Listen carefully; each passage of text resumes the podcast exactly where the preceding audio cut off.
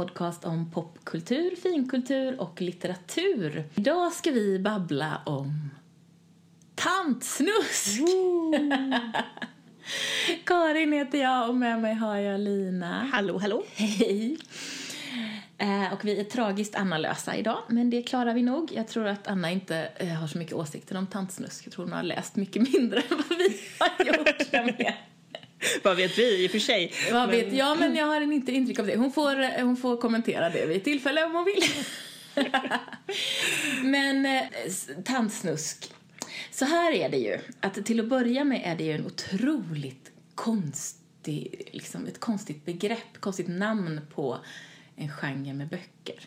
Och ett väldigt avfärdande namn på en genre med böcker.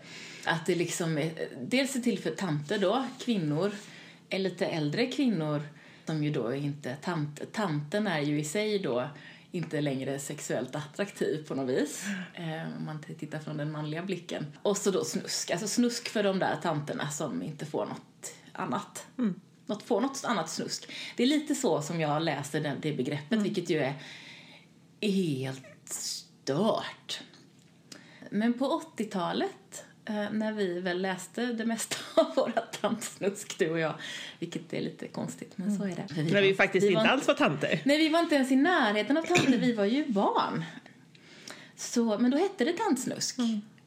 Och det var ganska oreflekterat, tror jag, eh, att det var det det hette.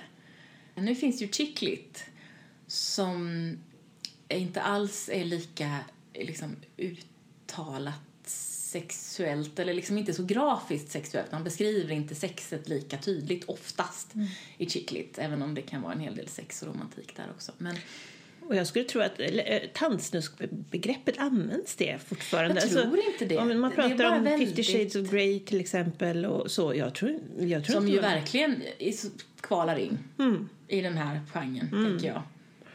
Utan det var ju någonting, alltså det, det, det, det är lika 80-tal som Dallas. Precis. Ja, för jag tänker, det här var ju inte som såna här Harlequin-romaner.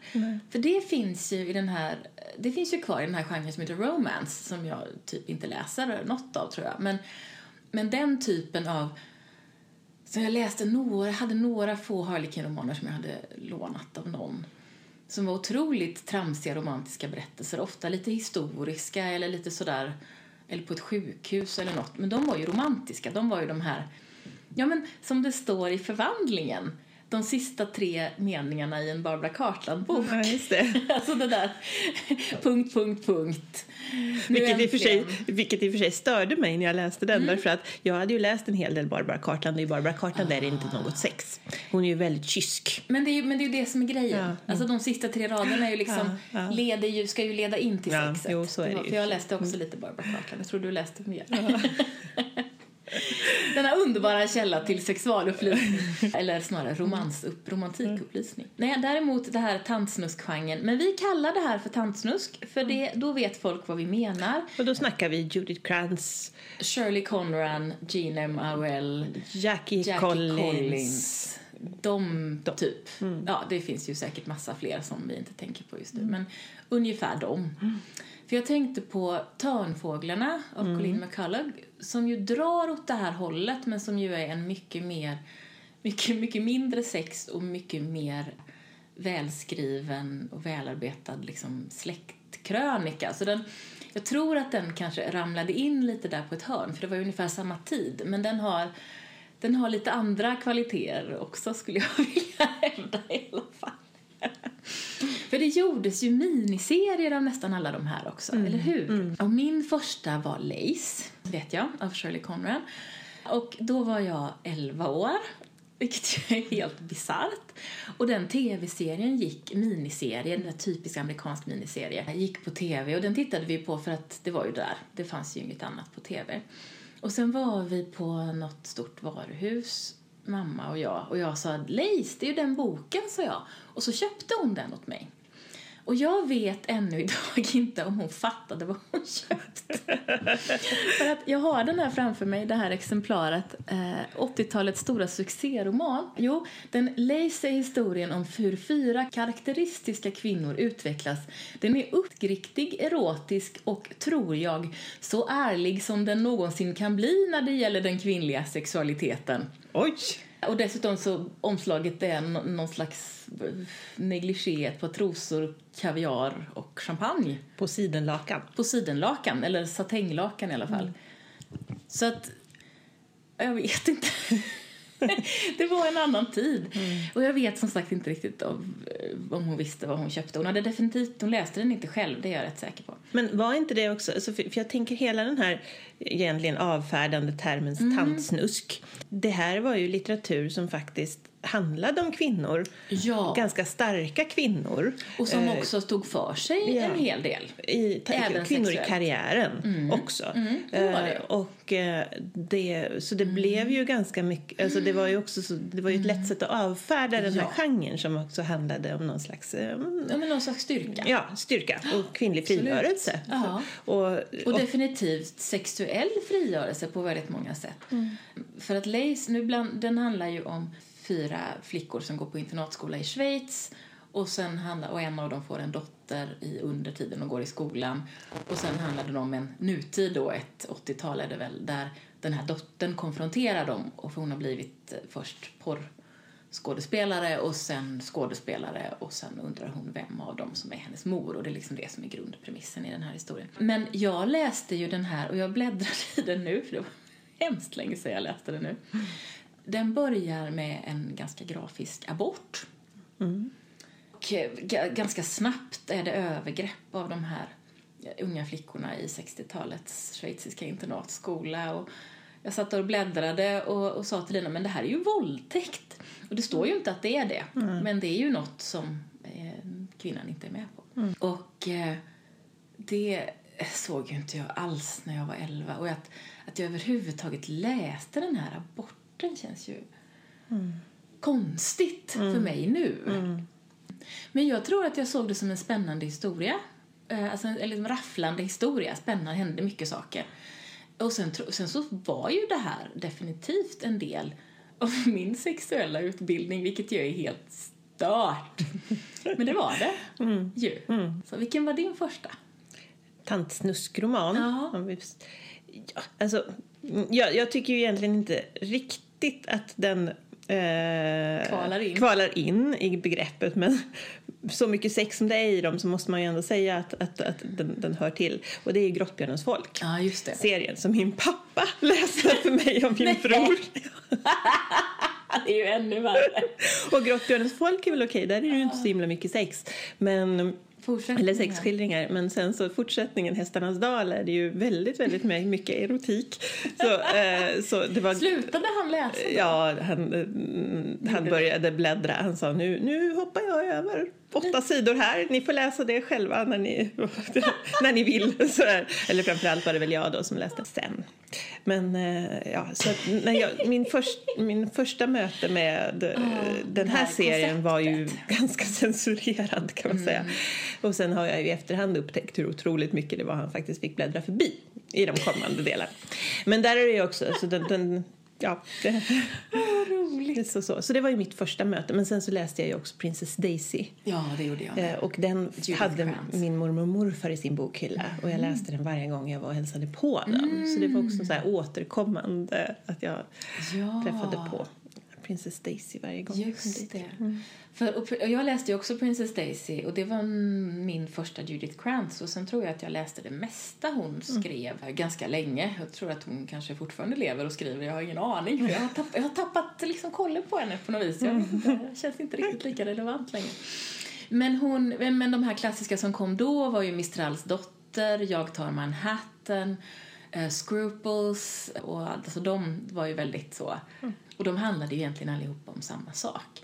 De handlade ju om en ung kvinna som, som inte hade det så lätt och som lyckades fenomenalt bra med allting och som hade ett fri, en frigjord inställning till sex och alltså en 80-talsfrigjord inställning till sex ska vi väl säga. där hon eh, tyckte att hon kunde bestämma själv. Mm. Så. Och just Princess Daisy handlar ju om en riktig prinsessa då. Ja. Som har ehm, silverblont hår och mm, Djup, ögon. ögon. Alltså det är lite kullagulla-varning på Som det inre av utseende. en pansé. Som det inre av en pansé, ja precis. Och, tro, och som har en svanlik hals som fortsätter i flera kilometer. För de hade ju också, alla de här hade ju såna här fantastiska, de var ju så vackra, de var ju så vackra på sina olika sätt. Och, Och hon är dotter till en rysk prins Mm. i uh, förskingringen och Mhm. en eh, italiensk skådespelerska, Just tror jag. det, så, är det. mm. Och den är ju förfärlig. Hon, hon, dels så har hon ju en tvillingsyster som vad är det? Har, Hon hon Downs syndrom? nej, hon- nej, hon får en är hjärnskada vid hon förlossningen, Får en hjärnsk- en förlossningsskada, ja. Som ju lever på en institution Mm. i hela deras liv.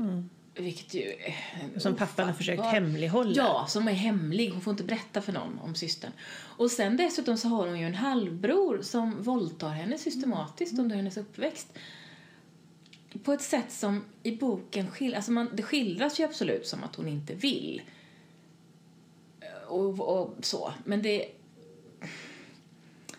Ja, det beskrivs ju också på ett lite suggestivt sätt, vilket ju är... Alltså på ett, ett... Nu ska ni läsa den här erotiska grejen och bli lite till er av den här hemska våldtäkten, eller flera stycken hemska våldtäkter på raken, vilket ju är helt vedervärdigt. Säger jag med mina vuxna, mitt vuxna perspektiv.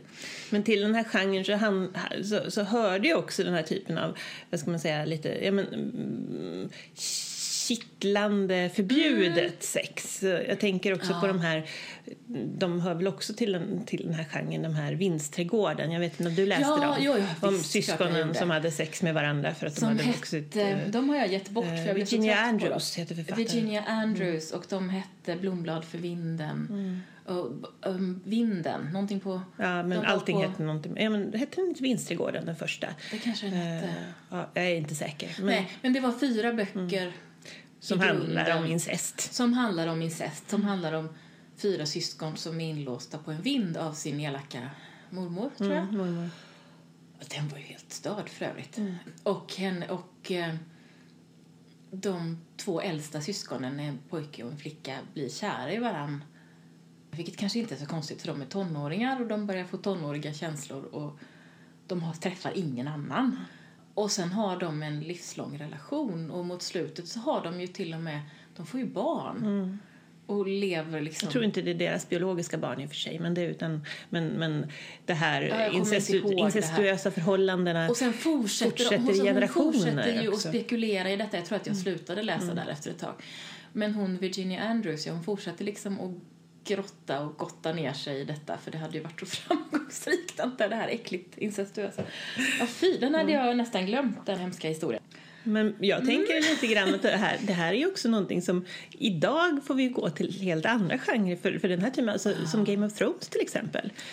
Mm, där är är ju ju obe- alltså jag har ju faktiskt- varken läst eller sett men jag vet ju obehagligt Men sex, där är ju- hotande, Ja, våldtäkter. våldtäkter, mycket incest. Fan. Alltså den här typen av... Ja, så, så det, Som jag, alla dessa män tittar på Precis. och läser. så, så tantsnusken. Precis. Tantsnusket har gått in i fantasyn kanske. Ja, för att alltså mycket kan man säga och det var ju mycket som var obehagligt och som inte togs på rimligt allvar riktigt i de här böckerna. Men de var ju ändå, alla de här, de handlade ju om starka kvinnor som i väldigt mycket gjorde, alltså fann sin egen väg och gjorde det de ville och hade någon slags driv. Så var det ju ändå. Men ja, det är mycket man kan, man kan fundera på i detta. Herregud vad vi... Men för att... Ja. Men jag, alltså jag tänker att det var, väl, det var en hel del av det här som jag fick skaka av mig sen när jag väl själv skulle förstå det här med sexeriet på riktigt. För att det var ju också väldigt mycket som var... ehm, Alltså, man kan nog på ett sätt jämföra det med om man innan man har provat sex har tittat väldigt mycket på porrfilm, tror jag. För att det ger ju en bild, en väldigt okomplicerad bild av sexet till att börja med. Att allting är liksom bara pang eller pang. Och sen också det här att det är att det är liksom, ah, de, gör så, de gör väldigt avancerade saker på en gång ofta som inte riktigt är aktuellt när man kanske är en tonåring som kanske försöker se om det här går att göra något kul med. Så att och det, det tog ganska lång tid tror jag att få ihop den där bilden, den här bilden av sexet som på ett sätt var ju var ganska öppen och frigjord och fokuserad på kvinnans tillfredsställelse ändå. Det, var ju, det var ju bra. Det var ju positivt. Det handlade ju inte bara om att liksom ligga still för sin man på något sätt. Det var ju inte den synen. Men som å andra sidan var så otroligt okomplicerad och hade en väldigt onyanserad bild av vad sex kan vara och vad det inte är och varför och sådär. Mm. Men det var nog väldigt mycket 80-talets bild också. Alltså jag tänker på alla de här den här liksom obekymrade nakenheten som ploppade in i konstiga sammanhang och, och det är ju inte sex men som liksom det var lite gladsexigt mm. i jättekonstiga sammanhang och sexualiteten var lite liksom skojsig på mm. något vänster. Ja, det var ju mm. väldigt mycket mindre laddat faktiskt med ja, sex precis. på 80-talet än vad det är idag. i USA som ja. det är det ju extremt mycket mer laddat än vad det är nu. Ja, så, så att det är ju på det sättet kan jag ju uppskatta det här. Alltså att, trots allt. Trots allt. För det här var ju också, eh, även om de, det kallades tantsnusk så var det här mm. väl ändå böcker som, eh, som, som, som, handlade om någonting annat än bara sex. Ja, det gjorde de ju. Ja, nu, nu har jag, inte, jag har inte läst 50 shades of Grey till exempel. Inte jag heller, jag Men det blir ju, det blir ju bara, alltså den är ju känd bara för att det är sex mm. i, tror jag. Så mycket, jag vet inte om det är så många som har pratat om de litterära kvaliteterna. Nej, jag har inte läst den. Och jag har inte läst den, dels för att jag inte är intresserad egentligen av den här genren längre, vilket väl inte är så konstigt. Eh, det är mycket mer intressant när man är kanske en tweenie eller tonåring. Men också att mm, det, ver- alltså det jag har läst om den, den verkar så himla tråkig. Det verkar som att det är, eh, och jag vet ju också om att det bygger på Twilight. Och Twilight har jag ju läst alla böckerna och sett de flesta filmerna tror jag. Har bara farten mest. För det är inte speciellt bra tycker jag. Men där är det ju en jätteproblematisk relation mm. mellan eh, liksom den kvinnliga huvudpersonen och hennes vampyrälskare. Och det här var ju Twilight fanfic från början och det verkar som att det är precis samma, om inte ännu värre, problematiska relation mellan Christian Grey och hans Anastasia. tjej. Mm. Aha, jag rimmar. Um, Anastasia heter hon, ja. Anna. Och det, det, jag är inte så intresserad av att läsa det.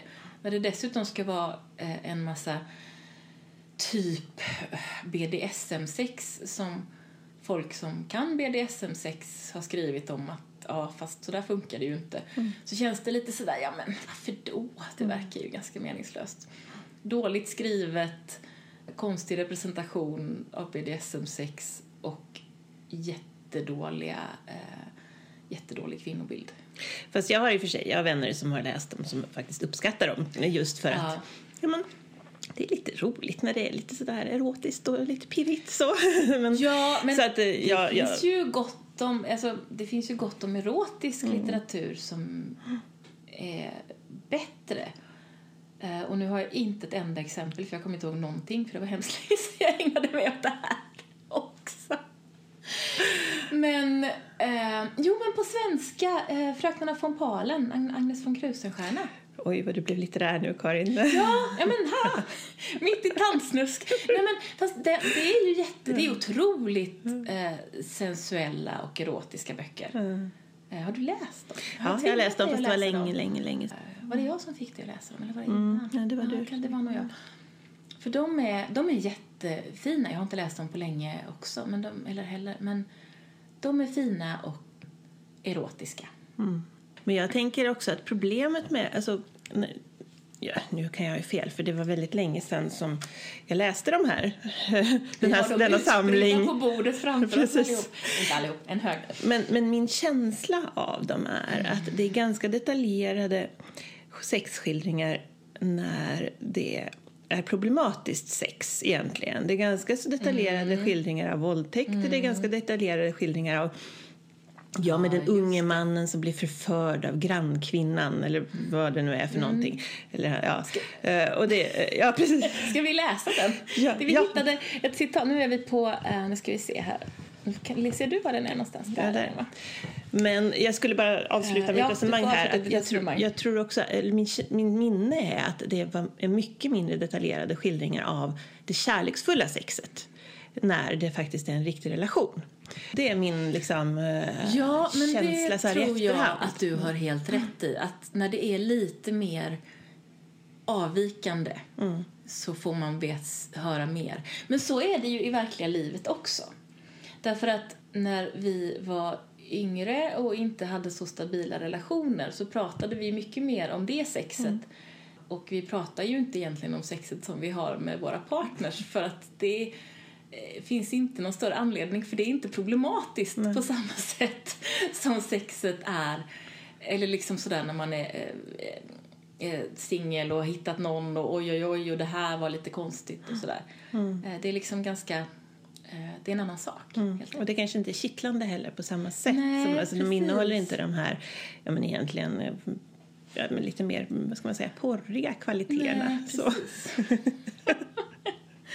Men det kanske var så när vi var i den här åldern att vi läste de här och killarna tittade på porrfilm. Jag vet inte. Ja, det är mycket möjligt. Nu får du läsa denna Nu fantastiska ska jag läsa ett, ett utdrag ur Princess Daisy. eh, Och det här är då...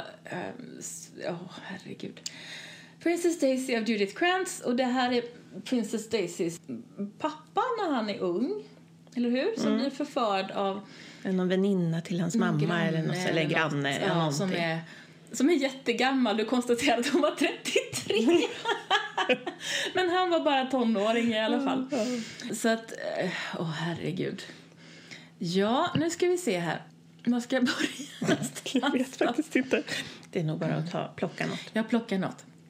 Han heter Stash i alla fall. Han var så styv att hon måste hålla den i ett fast grepp medan hon tog oändligt god tid på sig för att sakta sänka sig ner över den svällande spetsen. Hon samlade sin mogna kropp till en mjuk köttets pelare och gled ner på honom. Åh, herregud! Det är fantastiskt. Det, åh, det är ju helt förfärligt. Ja, det är det. Det är... Eh, ja, nu måste vi faktiskt prata om My Dad Wrote a Porno för nu kände jag mig som Jamie därifrån.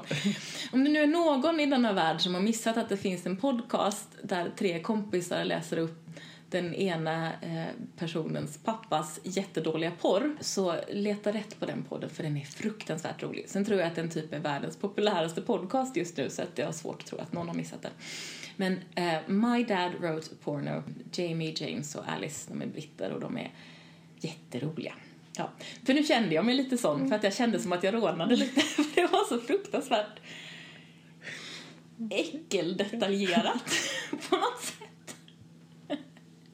Ja, men det är ju det i de här sex... Alltså det är ju, Mm. det är det, det. Och på det sättet så är det ju faktiskt eh, en ganska bra eh, parallell till porrfilm. För alltså, Mm. mitt problem med porr är ju att det ofta är så väldigt mycket närbilder på In och ut. kön. Alltså In och ut närbilder på organ. Ja, men precis. Det är lite som en köttbutik. Liksom. Mm. Ja, det är Eller kött- jättetråkigt. Allting är sådär lite...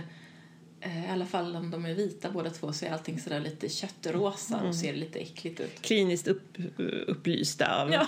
någon så här, Och sen vet vi filmkameralampor. att det finns annan porr och vi vet också att porr är problematiskt på massa olika sätt. Ja. Vi kan bara säga det. Ja.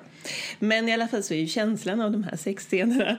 Eh, jag, jag bläddrade ju då i eh, Hästarnas dal som ju har... Alltså, säga vad man vill om Auel, men hon är oerhört uthållig när det gäller att, att, att skildra sex här. Det är ju många sidor och det är otroligt detaljerat eh, förspel och eh, annat.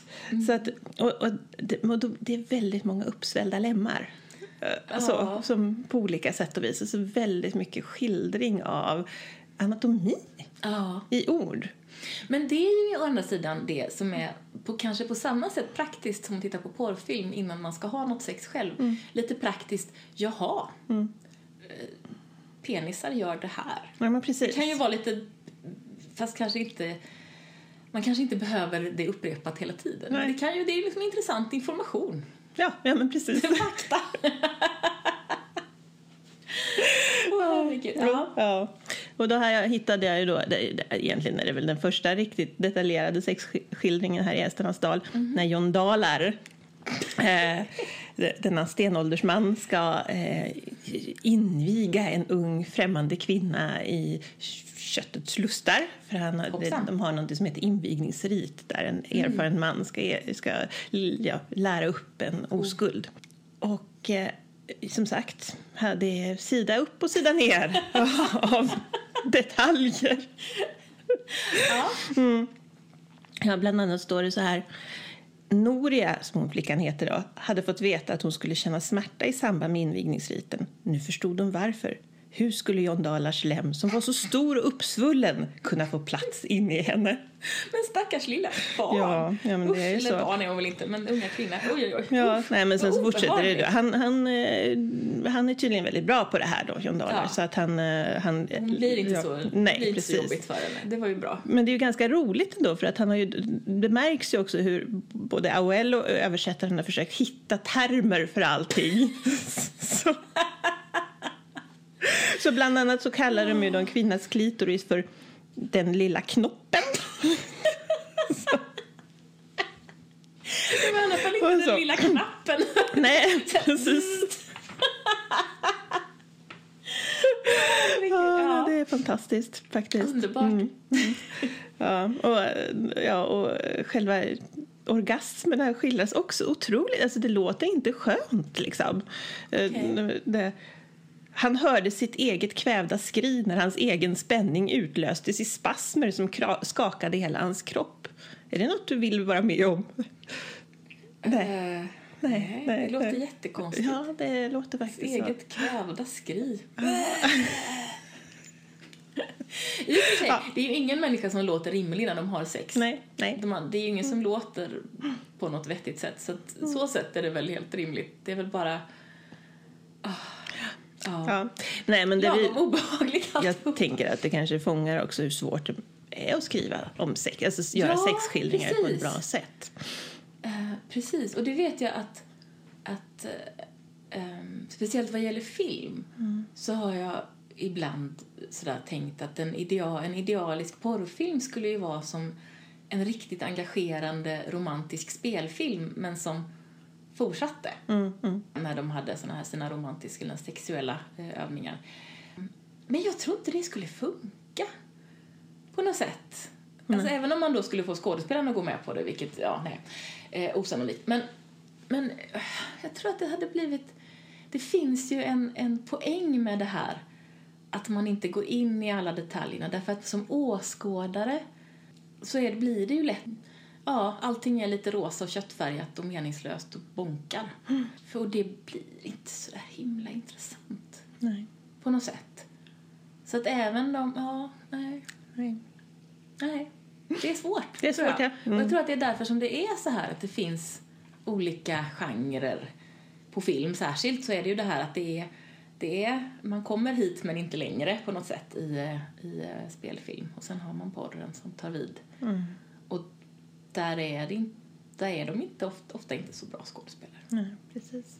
Det finns ju feministisk porr också, har jag läst om och hört om. Men jag har inte sett något så jag vet inte. Men jag antar att den säkert känns mindre äcklig att titta på Mm. än eh, vanlig patriarkalisk porr som väl är all annan porr antar jag. Då då. Åh nej, fruktansvärt. Jag tänkte jag skulle läsa ett stycke till ur Princess Daisy. För här har hon ju den obligatoriska lesbiska sexscenen. Ja, just det. Och det... eh, Ja, alltså det här är ju också en väldigt mycket en porrfilmstrope egentligen. Att kvinnor på något sätt, och det här är ju väldigt mycket från en manlig blick, kvinnor på något sätt ska ha kan ha en väldigt flytande sexualitet så länge de inte vill ha två män samtidigt. Lite, lite så, ungefär. Fast ibland har man ju det också. Men, av skildringarna. Men eh, det är lite också faktiskt som i Belinda Blink, den här My Dad Wrote Porno-boken. Att det har inte varit något bögsex, men det har varit fruktansvärda mängder lesbiskt sex. Eller huvudpersonen är väl bisexuell får man ju utgå ifrån utifrån det hon ägnar sig åt. Eh, och det är ju sympatiskt men, men eh, ja, mm. så kan det vara. Men det följer ganska väl den här liksom porrotropen då. Det finns säkert bögsex i några av de här böckerna men det är inte alls lika vanligt i alla fall. Men jag ska läsa en liten kort eh, stund av det här Vanessa och Topsy. Som, som är ett fantastiskt namn. Ja, Topsy är ett förfärligt namn. Men som dessutom är eh, två stycken som är inte speciellt centrala. Jag kommer inte ens ihåg riktigt vilka de är. Kommer du ihåg det? Jag tror, ja, det är några bifigurer. Det är något, jag tror att det är ett eh, par en man och en kvinna de, som båda är homosexuella men är ja, gifta med varandra. Vanessa det. är gift med en bög. Just och de det, lever de bara under... Eh, lite så. ja, precis. Och då förför hon någon, inte vet jag, någon affärsmans fru eller något sånt där som heter mm. Topsy. Just det, så är det. På någon sån här eh, house party, alltså de bor mm. på något ställe och så mm ja, det här kommer jag inte ihåg så bra. Jag bara min, det var inte det här jag tänkte läsa, men jag råkade, blicken råkade falla på och så började hon smeka den mjuka huden på insidan av Topsys lår. Fingrarna klättrade högre och högre tills de fladdrade just utanför hårbusken. Vilket jag vet inte varför jag tyckte det var så roligt, men det var något sådär, det här fladdrandet. Jaha, okej. Okay. Men jag tänkte läsa så här. Medan Topsys höfter ännu vibrerade och rörde sig uppåt kastade sig Vanessa över den andra kvinnan, kysste för första gången den torra, öppna munnen och pressade sitt eget sköte med glest svart hår mot Topsys lockiga venusberg tills hon snabbt nådde den mästerliga orgasm hon hållit tillbaka så länge. Mm. Ja. Så var det med det. Och eh, torr mun, glest hår. ja, eh, de, det här håller ju också på sida upp och sida ner och de kåtar upp varann och det är säkert, nu har jag läste vi bara den här biten nu, det är säkert bättre kanske andra delar eller lite mindre osexigt i alla fall kan man väl mm. hoppas. Nej, om, om vi inte hade berättat att den kom från 80-talet så hade man ju lätt kunnat tidsdatera den utifrån allt det där liksom skildrande av könshår. För eh, moderna skildringar tror jag inte innehåller så mycket könshår. Nej, precis. Så. Belinda Blinkt som ju då är min enda referens, nutida referens. Um, så, så pratas det om att hon har en liten landing strip. Ja. Så. Mm eh, någon slags brasiliansk eller vad det nu heter, jag vet inte. Men fast hon försöker växa ut, låta det växa ut någon gång så jag fattar inte riktigt. Mm. Ja. Men det, det är helt knäppt verkligen. De här styckena. Och, men det konstigaste är ju tanken på att vi läste det här när vi fortfarande var barn. Mm. Va, ja, fast jag menar det en kul historia med lite spännande fladder. Ja, men absolut. Och, ehm, för det är ju ändå, det är ju alltså de bra av de här. Alltså jag, jag försökte ju också läsa, ungefär i samma ålder försökte jag läsa Hollywoodfruar av Jackie ja, Collins. Eh, den har jag läst, men jag tror inte jag har läst något annat Nej, av henne och jag, jag fast, ingen fastnade aldrig för den. Nej. Och där tror jag det var ännu mer sex. Jag är inte säker. Det var men, det nog. Mm, men, jag är också osäker. Men den den blev ju inte alls på samma sätt en av mina böcker som jag läste om. Nej, som, som, som Princess Daisy mm. till exempel. För, att, mm. för Princess Daisy är ju, det är ju en saga. Det är ju jo, sagan är om prinsessan. En saga om prinsessan och som också till slut får sin prins eller mm. sin, sen hittar en man som är, som är snäll mot henne mm. för första gången i hennes liv. Och, och det är ju, den är ju episk också för den beskriver ju hennes föräldrar också. Mm. Och, och deras sex också för den delen som vi hörde med pappan där. Men, jag mm. kommer att tänka också på en av mina absoluta favoriter på den tiden som, som jag inte tog fram hit för jag, tänk, jag tänkte nog inte riktigt på den som tantsnusk men mm. den hör ju lite till genren och det var Glitter Baby heter den. Ja. Och jag tror hon heter Elizabeth Susan Elizabeth Phillips som, som har skrivit den. den. Jag, den har jag läst för du ja. lånade ut den till mig då någon gång när, ja, när vi bodde i Lund, 20-årsåldern. Um, men också den här, vad sjutton hette den då? Uh, Alltid Amber. Som ja, just jag helt har glömt. Som jag ärvde av min mormor, vilket mm. ju är lite spännande. Men helt glömt vad författaren heter. Vi sätter det i länkarna. För den var ju också lite så här, den var ju mycket, den var historisk. Mm. Så de bra, och det jag tänker på just när det gäller Glittery Baby var ju, det handlade om en tjej som också, som, som det var ju också så här extra allt med allting. Hon var dotter Mm. till uh, hon var dotter till Errol Flynn och det var så här då och hennes pappa, den mannen som hon trodde var hennes pappa försökte eh, egentligen uppvakta henne för att han ville ha barn med henne. Och det var liksom så här, allting var så här Mm. Lite skumt och så blev hon kär i den kändaste filmskådespelaren som inte är snäll mot henne och sådär.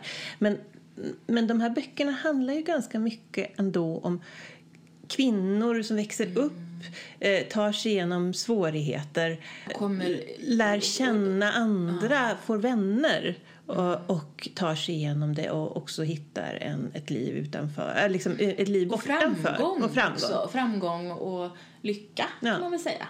Eller hur? Och jag tror att det är, om det Det antingen är är tilltalande. om det är i Glitter Baby så eh, då den här huvudpersonen som heter Fleur, tror jag. Och hennes väninna säger när, när Fleur berättar om sin bakgrund så säger hon att det är som, det är som en sån grekisk drama. Alla har någonting, alla har en svaghet man måste överkomma. Just det, the Och facial flaw. Precis, och då frågar Fleur vad är min svaghet då? Och då så tänker den här väninnan efter och säger ja det är dåliga föräldrar. Ah. Och lite, alltså, Ja, det, det handlar ganska mycket om de här, liksom, vad, de, ja, men som Princess Daisy som måste bära på sina föräldrars eh, svaghet. Ja. I att hemlighålla sin syster till exempel. Och sådär. Så det är ju, ja, och så är det De glamour. har ju någonting. Ja. Ja. just det. Det får man ju inte glömma. Och speciellt, eh, Scruples har vi inte pratat så mycket om. Det är också en Judith Krantz. Eh, men den är ju fruktansvärt glamorös. Den handlar ju om Billy som är en kvinna som bygger upp eh, sitt eget magasin, är det ju egentligen. Hon bygger upp. Och sitt eget imperium till slut med en, en eh, sån här department store och ett klädmärke och allt möjligt så småningom. Som gifter sig till pengar och den mannen dör. Och sen så, så lyckas hon liksom lyfta eh, till otroliga framgångar. Eh, och hon är ju väldigt stark och väldigt otraditionell, speciellt för den tiden kan man tycka. Eh, Men man ska också tänka att det här var ju 80-talet, det här var ju yuppie-eran. Det stora liksom var ju ändå att man skulle, alltså det entreprenörskapet, man skulle liksom lyckas själv, den där idén. Det var ju väldigt levande då. Men den amerikanska drömmen, väldigt mycket, för det här är ju faktiskt amerikanska författare allihopa som vi pratar om här. Ja, nu börjar det, nu, det dyker upp de här böckerna i huvudet. Jag, jag kommer ihåg den här Tillbaka till Eden, tror jag den hette. Mm. Om en kvinna som gifter sig med en, dål, en man som försöker ta livet av henne. Hon är rik, tror jag. Och så, och så försöker han ta livet av henne genom att han, den är australiensisk så att hon, Mm. han kastar henne från en båt eller något sånt. Så hon blir anfallen av krokodiler eller alligatorer. Och så kommer hon tillbaka. som- Ja, och så, så blir hon plastikopererad. De hittar Är henne. inte det Sidney Sheldon? Jag vet inte. Men i alla fall kommer hon tillbaka och så, är hon, och så blir hon fotomodell. Ja. och Det gjordes en hämnas. miniserie om den också, tror jag. Det gjordes ju miniserier på nästan ja, på, på allt av det här. Ja, inte AOL. Det gjordes det en var- film. Ja, och Gråtbjörnens folk tror jag var för dyrt. Alltså Ja. för dyrt att göra en miniserie av. För de här andra miniserierna behövde man ju bara lite liksom, studios att spela in i. Precis. det var inte så avancerat. Ja. Åh, herregud. Det, alltså, det är ju, de har ju någonting. Och det är klart att de har, för annars skulle de ju inte ha varit så populära som de var. Nej. Ehm, Men jag tror att just den här delen som handlar om kvinnor som liksom hittar sin väg till lyckan och som liksom tar sig igenom krångliga grejer och landar i vad de vill med sitt liv och sådär. Den delen har ju Chicklit tagit över. De här som jag kallar för rosa böcker för de brukar alltid ha glada färger på omslaget. Fast de brukar ju aldrig vara lika glamorösa. Eller sällan är de lika glamorösa. Mm. De är väldigt sällan lika glamorösa. Även när de har lite glamorösa settings så försöker de vara mycket mer vardag Mm. och realism i sig. För här är mycket jetset-liv i de här böckerna. Ja, och mycket liksom dyra drinkar och dyra Mm. och båtar och hus och Fantastiska. Och kläder. Och... Fantastiska kläder och fantastiska allting egentligen. Inte Grottbjörnens folk då, kan vi ju säga. Nej, den, är ju, den sticker ju ut på sina sätt. Ja. Men de här andra gör ju så här. Herregud. Jag tänkte att jag skulle läsa lite ur Lace innan vi avslutar för jag tror att vi snart är det nog dags Ja, jag tror inte vi har så hemskt mycket mer att säga. Här kommer en liten godnattsaga. Nej. Herregud. Eh, nej, men Lace har ju väldigt mycket sexscener och när jag satt och bläddrade i den här så hittade jag först eh, regelrätta våldtäkter. Och sen hittade jag den här som jag kom ihåg som lite sexig och nu när jag läser den så... ehm, ja, det kan vi prata om när jag har läst färdigt den. Den här är lite längre. Det handlar om Charles och eh, Maxine som eh, just har gift sig. Charles säger så här. Jag vill inte att du har några underkläder på dig på balen hos De la Fressange ikväll. Jag vill veta att om jag får lust till dig så ska du när som helst vara redo för mig. Maxine trodde att han skämtade, men under kvällens lopp dansade han ut henne ur balsalen till en mörk vrå på terrassen och kände sedan snabbt under balklänningens ljusrosa tyllager. Maxine hade trosor. Charles slet av dem och kastade dem på marken och sen höll han henne tryckt mot stenbalustraden med vänstra handen. Bakifrån såg de ut som vilket förälskat par som helst, men hans fingrar trevade med våldsam kraft efter henne. Hon var skräckslagen att de skulle bli sedda eller att hon skulle falla baklänges över den låga balustraden när han pressade sig mot henne, men hon kunde inte motstå Charles rytmiska fingrar. Han knäppte snabbt upp kläderna och hon kände honom inne i sin kropp. Han begärde henne med en självisk hetta som hon aldrig känt från honom förut. När han nådde klimax kysste han henne mjukt på munnen och sa Älskling, det finns några små saker där jag väntar mig att bli åtlydd utan diskussion. Den Hu, vad läskigt. Fy. Och de... Det här är någon slags episk kärlek i denna bok. Usch. Det, Ja, nej men det här är ju fruktansvärt obehagligt. Därför att, ja, jo, men det beskrivs väl lite av ett gensvar från henne. Men hon är också skräckslagen av många olika skäl. Han väljer det inte är- själv. Hon väljer det inte själv. Han är våldsam. Han förväntar sig att eh, det här är någonting som han ska få bestämma och inte bara den här gången utan alla gånger. Eller han inte bara förväntar, han kräver. Det är ju jätteläskigt.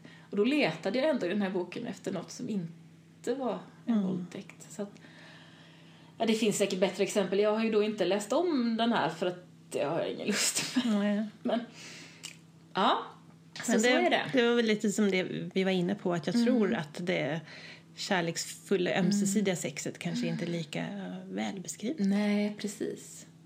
Och den här relationen, för det här är ju hennes, det är den man som hon är gift med hela tiden och hon träffar honom där på internatskolan tror jag. Så han har massor med åsikter om vad hon ska göra och inte göra och hon, hon opererar brösten för att de, de hon har fått för ett barn så är, de, så är de eh, för låga tycker hon och för tunga. Och hon gör det utan hans eh, tillåtelse. Att hon pratar inte med honom innan. Hon har pratat om det och han vill inte och sen bara gör hon det. Och han är fruktansvärt eh, arg. Vad hon gör med hennes kropp. Ja, nej, så att eh, det, det kommer jag ihåg. Alltså det är det som är så intressant. Det jag kommer ihåg mest av de här böckerna är ju faktiskt inte sexscenerna. Utan det jag kommer ihåg är ju de här episka berättelserna, de här svepande berättelserna liksom. Så. För det finns, ju, det finns ju också en subgenre i detta som jag inte har så bra koll på som är liksom historisk tantsnusk, eller hur? Där ju eh, Björ- Grottbjörnens folk är en, ett väldigt historiskt, prehistoriskt exempel. Men där det, ju, det finns ju jättemånga såna här som, som utspelar sig under eh, medeltiden eller renässansen och sådär. När, när det är eh, sex i medeltida lador eller något. Inte vet jag. Jag vet inte. Jag bara spekulerar. Jag Ja, bara vet om visst. att det existerar. Visst är det så. Mm. Ja. Ha, hörru du, nu ska vi avsluta. Är det något du vill säga om detta innan vi gör det?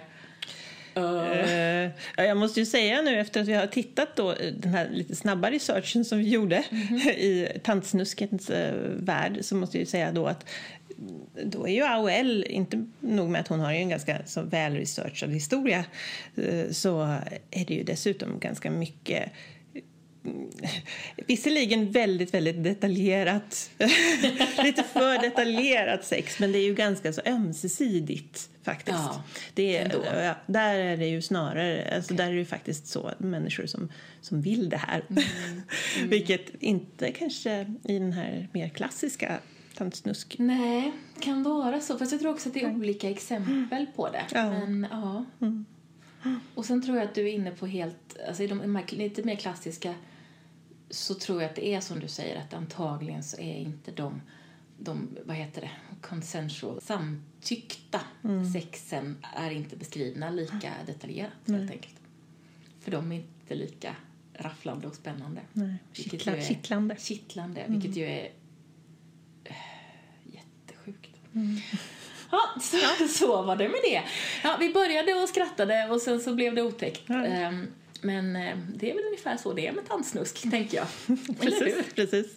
Tack för att du har lyssnat på Det Nya Svarta. Om du gillar det vi gör får du gärna rekommendera podden till någon du känner. Du kan också skriva en recension i din poddspelare eller på vår Facebook-sida. Om du vill veta mer eller kommentera det vi har pratat om hittar du oss på Facebook, Det Nya Svarta Podcast, på Instagram, Det Nya Svarta understreck podd eller mejla till nyasvarta-gmail.com. På vår hemsida kan du hitta länkar till det vi har pratat om och lyssna på fler avsnitt. Detnyasvarta.podbean.com Podbean stavas P-O-D-B-E-A-N.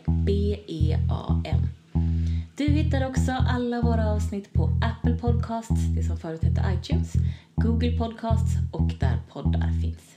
Hej på ses!